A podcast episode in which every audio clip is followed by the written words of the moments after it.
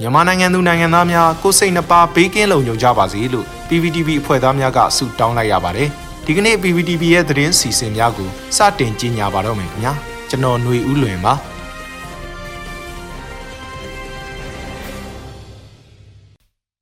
အာဆီယံဒေသတွင်ကိုဗစ်ကြောင့်တည်ဆုံမှုအမြင့်ဆုံးအဆင့်၄နေရာကိုမြန်မာနိုင်ငံရောက်ရှိလာတဲ့တဲ့တင်ကိုတင်ပြပေးသွားမှာဖြစ်ပါတယ်။အကြံဖက်စစ်ကောင်စီရဲ့စီမံခန့်ခွဲမှုညံဖြစ်မှုနဲ့ ကိုဗစ်ဘေးကာလမှာကျန်းမာရေးဝန်ထမ်းတွေပရိဒစေတနာဝန်ထမ်းတွေကိုပြစ်မှတ်ထားဖမ်းဆီးတိုက်ခိုက်နေမှုအောက်ဆီဂျင်တွေကိုအများပြည်သူအလွယ်တကူမရရှိနိုင်အောင်ပိတ်ပင်တားဆီးနေမှုတွေကြောင့်မြန်မာနိုင်ငံမှာကိုဗစ်ရောဂါကူးစက်မှုတွေမြင့်တက်နေပြီးသေဆုံးမှုနှုန်းကလည်းအလွန်အမင်းမြင့်တက်လာနေတာတွေ့ရပါတယ်။လက်တလော COVID-19 ရောဂါကူးစက်မှုနဲ့သေဆုံးမှုတွေမြင့်တက်နေတဲ့မြန်မာနိုင်ငံမှာသေဆုံးသူ9000ကျော်ကူးစက်ခံရသူ2,400ကျော်နဲ့အာဆီယံဒေသတွင် COVID-19 ကြောင့်သေဆုံးမှုအမြင့်ဆုံးအဆင့်၄နေရာကိုရောက်ရှိလာပါတယ်။ ဒါဟာအကြမ်းဖက်စစ်ကောင်စီကထုတ်ပြန်တဲ့စည်ရင်အရသာဖြစ်ပြီးတကယ်မြေပြင်မှာတော့နေ့စဉ်တည်ဆုံးသူအရေအတွက်ဟာရန်ကုန်မြို့နယ်တစ်ခုထဲမှာတင်1500ဝန်းကျင်ထိမြင့်တက်လာနေတာဖြစ်ပါတယ်။လက်ရှိအချိန်မှာအာဆီယံဒေသတွင်းနိုင်ငံတွေထဲမှာတရက်အတွင်း COVID-19 ရောဂါကူးစက်ခံရသူအရေအတွက်9800ကျော်ရှိနေပြီးစုစုပေါင်းကူးစက်ခံရသူ6.28တန်းကျော်ရှိလာနေပြီဖြစ်ပါတယ်။ ပြီးခဲ့တဲ့24နာရီအတွင်းယောဂကုသခံရပြီး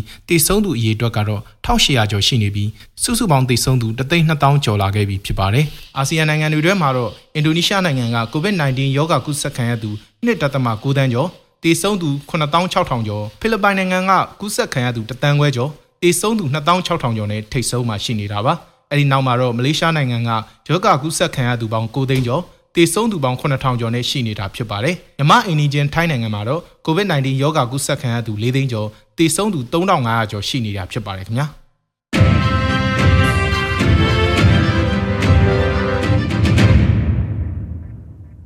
ဆက်လက်ပြီးမြန်မာနိုင်ငံမှာကိုဗစ်ကူးစက်မှုနဲ့သေဆုံးမှုမြင့်တက်လျက်ရှိပြီးမြန်မာပြည်သူတွေရဲ့ကြုံတွေ့နေရတဲ့အခက်အခဲတွေအတွက် ကုလသမဂ္ဂရဲ့အကူအညီလိုအပ်နေတယ်လို့မြန်မာနိုင်ငံဆိုင်ရာအထူးကြံပေးကောင်စီ SACM ကကြေညာချက်ထုတ်ပြန်လိုက်တဲ့သတင်းကိုတင်ဆက်ပေးသွားမှာဖြစ်ပါတယ်။မြန်မာနိုင်ငံရဲ့ကိုဗစ်ရောဂါကူးစက်မှုကာကွယ်ထိန်းချုပ်ရေးဆောင်ရွက်ရာမှာကုလသမဂ္ဂရဲ့လူသားချင်းစာနာကူညီရေးဂျားဝင်ဆောင်ရွက်ဖို့အရေးတကြီးလိုအပ်နေတယ်လို့မြန်မာနိုင်ငံဆိုင်ရာအထူးကြံပေးကောင်စီ SACM ကဇူလိုင်လ22ရက်နေ့ဒီကနေ့ရက်စွဲနဲ့ကြေညာချက်ထုတ်ပြန်ပြောဆိုလိုက်တာပါ။ အခြေအနေကိုအမြန်ထိန်းချုပ်နိုင်ရေးအတွက်ကျန်းမာရေးနဲ့စေဝါဆိုင်ရာနိုင်ငံတကာကျွမ်းကျင်သူတွေအများပြားလိုအပ်နေကြောင်းမြန်မာစစ်ကောင်စီအနေနဲ့အခြေအနေကိုထိန်းချုပ်နိုင်စွမ်းမရှိတဲ့အပြင်ထိန်းချုပ်လိုတဲ့စံနာလည်းမရှိကြောင်းအခြေအနေပုံမှုဆိုးရအောင်သာယူရနေကြောင်းကြေညာချက်မှာဖော်ပြထားတာတွေ့ရပါတယ်။ဒါအပြင်အခုလက်ရှိအခြေအနေဟာကမ္ဘာကမတိကျိုးကျွန်ပြုထားနိုင်တဲ့အခြေအနေမျိုးမဟုတ်ဘဲအရှိတောင်အာရှနိုင်ငံတွေနဲ့အတူပူးပေါင်းကူညီဆောင်ရွက်ကြဖို့လိုအပ်နေတာဖြစ်ပါတယ်။ထိုင်းနဲ့အိန္ဒိယနိုင်ငံတွေထဲဝင်ရောက်ဖို့ကြိုးပမ်းနေကြသူတွေကိုလည်းတားဆီးဖို့ခက်ခဲနေကြောင်း အဲ့ဒီအတွက်ဒေတာတွင်းနဲ့နိုင်ငံတကာအကူအညီတွေလိုအပ်နေကြောင်းလည်းမြန်မာနိုင်ငံဆိုင်ရာအထူးကြံပေးကောင်စီကပြောဆိုထားပါတယ်။မြန်မာနိုင်ငံဆိုင်ရာအထူးကြံပေးကောင်စီ SACM ကဖွဲ့ဝင်တဦးဖြစ်တဲ့ရန်ဟီလီကလည်းကျန်းဘက်စစ်ကောင်စီဟာအကူအညီပေးတဲ့အဖွဲ့အစည်းမဟုတ်တဲ့အတွက်မြန်မာနိုင်ငံရဲ့ကိုဗစ်ကူးစက်မှုတိုက်ဖျက်ရေးမှာလက်တွေ့အကူအညီတွေလိုအပ်နေကြောင်းအကူအညီတွေကိုနိုင်ငံတကာနဲ့မြန်မာကျန်းမာရေးပညာရှင်တွေကသာပုံရှိုးကွယ်ရှိုးတဲ့နိုင်ငံကိုကာကွယ်နေကြကြောင်းယခုအခါမြန်မာစစ်ကောင်စီပေါ်ဘယ်သူမှအယုံကြည်မရှိကြကြောင်းပြောဆိုထားတာတွေ့ရပါတယ်ခင်ဗျာ။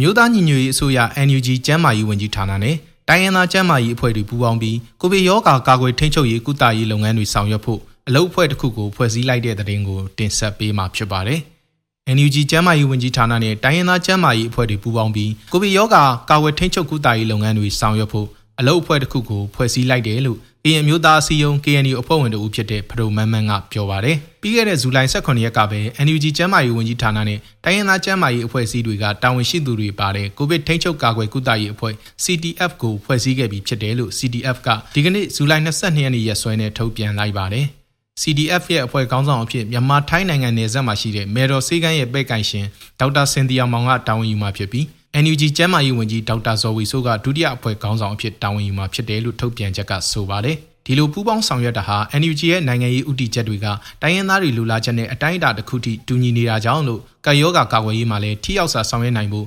CDF ကိုဖွဲ့စည်းခဲ့တာလို့ CDF ရဲ့ပြောခွင့်ရပုဂ္ဂိုလ်လည်းဖြစ်သူဖရိုမန်မန်ကပြောပါတယ်။ကိုဗစ်ကာကွယ်ထိန်းချုပ်ကုသရေးလုပ်ငန်းတွေထိရောက်စွာဆောင်ရွက်နိုင်ဖို့ကုလသမဂ္ဂလက်အောက်ခံအဖွဲ့အစည်းတွေနိုင်ငံတကာအဖွဲ့အစည်းတွေနဲ့ချိတ်ဆက်ဆောင်ရွက်သွားမယ်လို့လည်းသူကဆိုပါတယ်။ ကမ္ဘာကုလသမဂ္ဂအပါအဝင်နိုင်ငံတကာအစိုးရအဖွဲ့မဟုတ်တဲ့အဖွဲ့အစည်းတွေနိုင်ငံတကာအစိုးရအဖွဲ့အစည်းတွေနဲ့အာဆီယံနိုင်ငံတွေအနေနဲ့ CDF ရဲ့လုပ်ငန်းများအကောင့်ထဲပေါ်နိုင်မှုအတွက်ကာယောဂါကာကွယ်ဆေးအပါအဝင်ဤပညာဗန္ဒာရေးအကူအညီတွေအမြန်ဆုံးထောက်ပံ့ပေးဖို့လဲ CDF ကတောင်းဆိုထားတာပါ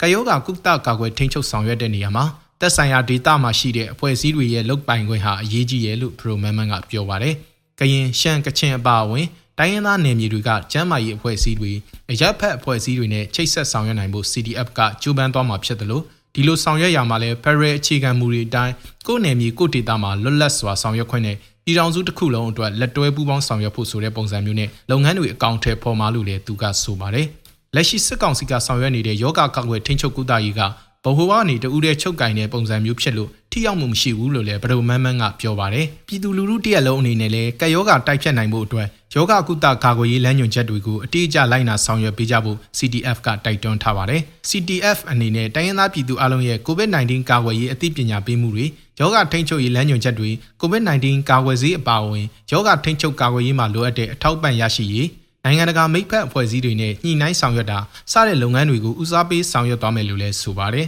။ဒါ့အပြင် COVID-19 ပြန်လည်ထူထောင်ရေးလုပ်ငန်းတွေကိုလည်းဆောင်ရွက်သွားမယ်လို့ထုတ်ပြန်ထားပါတယ်ခင်ဗျာ။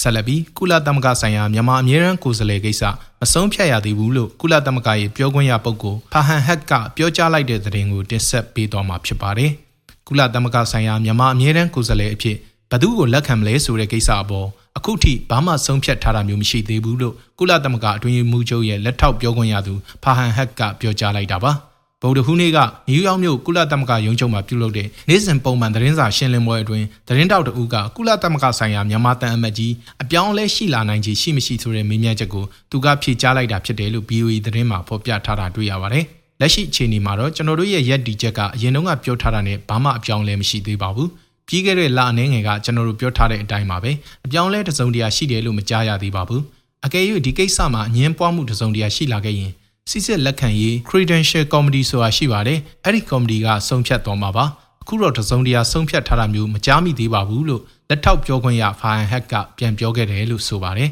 ကုလသမဂ္ဂဆိုင်ရာမြန်မာအမြဲတမ်းကိုယ်စားလှယ်အဖြစ်နယူးယောက်မှာတာဝန်ထမ်းဆောင်နေတဲ့တန်အမတ်ကြီးဦးကျော်မိုးထွန်းနေရာမှာဝါရှင်တန် DC မြို့တော်ကစစ်တမ်းမှုအောင်သူတွေကိုအစားထိုးခံထားပေးဖို့အကြမ်းဖက်စစ်ကောင်စီကကုလသမဂ္ဂအတွင်းရေးမှူးချုပ်အန်တိုနီယိုဂူတာရက်စ်ထံအကြောင်းကြားစာပေးပို့ထားတယ်လို့သိရပါတယ်။ ဦးကျော်မိုးထွန်းဟာ2020အောက်တိုဘာလကစလို့နယူးယောက်ကုလသမဂ္ဂရုံးချုပ်မှာအများမြန်မာအမြဲတမ်းတန်အမတ်ကြီးအဖြစ်တာဝန်ယူခဲ့တာဖြစ်ပြီးစစ်တပ်ကအာဏာသိမ်းပြီးနောက်ဖေဖော်ဝါရီ26ရက်နေ့မှာသူ့အနေနဲ့အာဏာသိမ်းစစ်တပ်ကိုကိုစားမပြုဘဲရွေးကောက်ခံပြည်သူအစိုးရကိုသာကိုစားပြုတယ်လို့ကုလသမဂ္ဂအထွေထွေညီလာခံမှာကြေညာခဲ့တာကြောင့်မြန်မာပြည်သူတွေရဲ့အားပေးထောက်ခံခြင်းကိုခံခဲ့ရသူလည်းဖြစ်ပါတယ်ခင်ဗျာရေတော်ဘုံအောင်ရမည်ရေတော်ဘုံအောင်ရမည်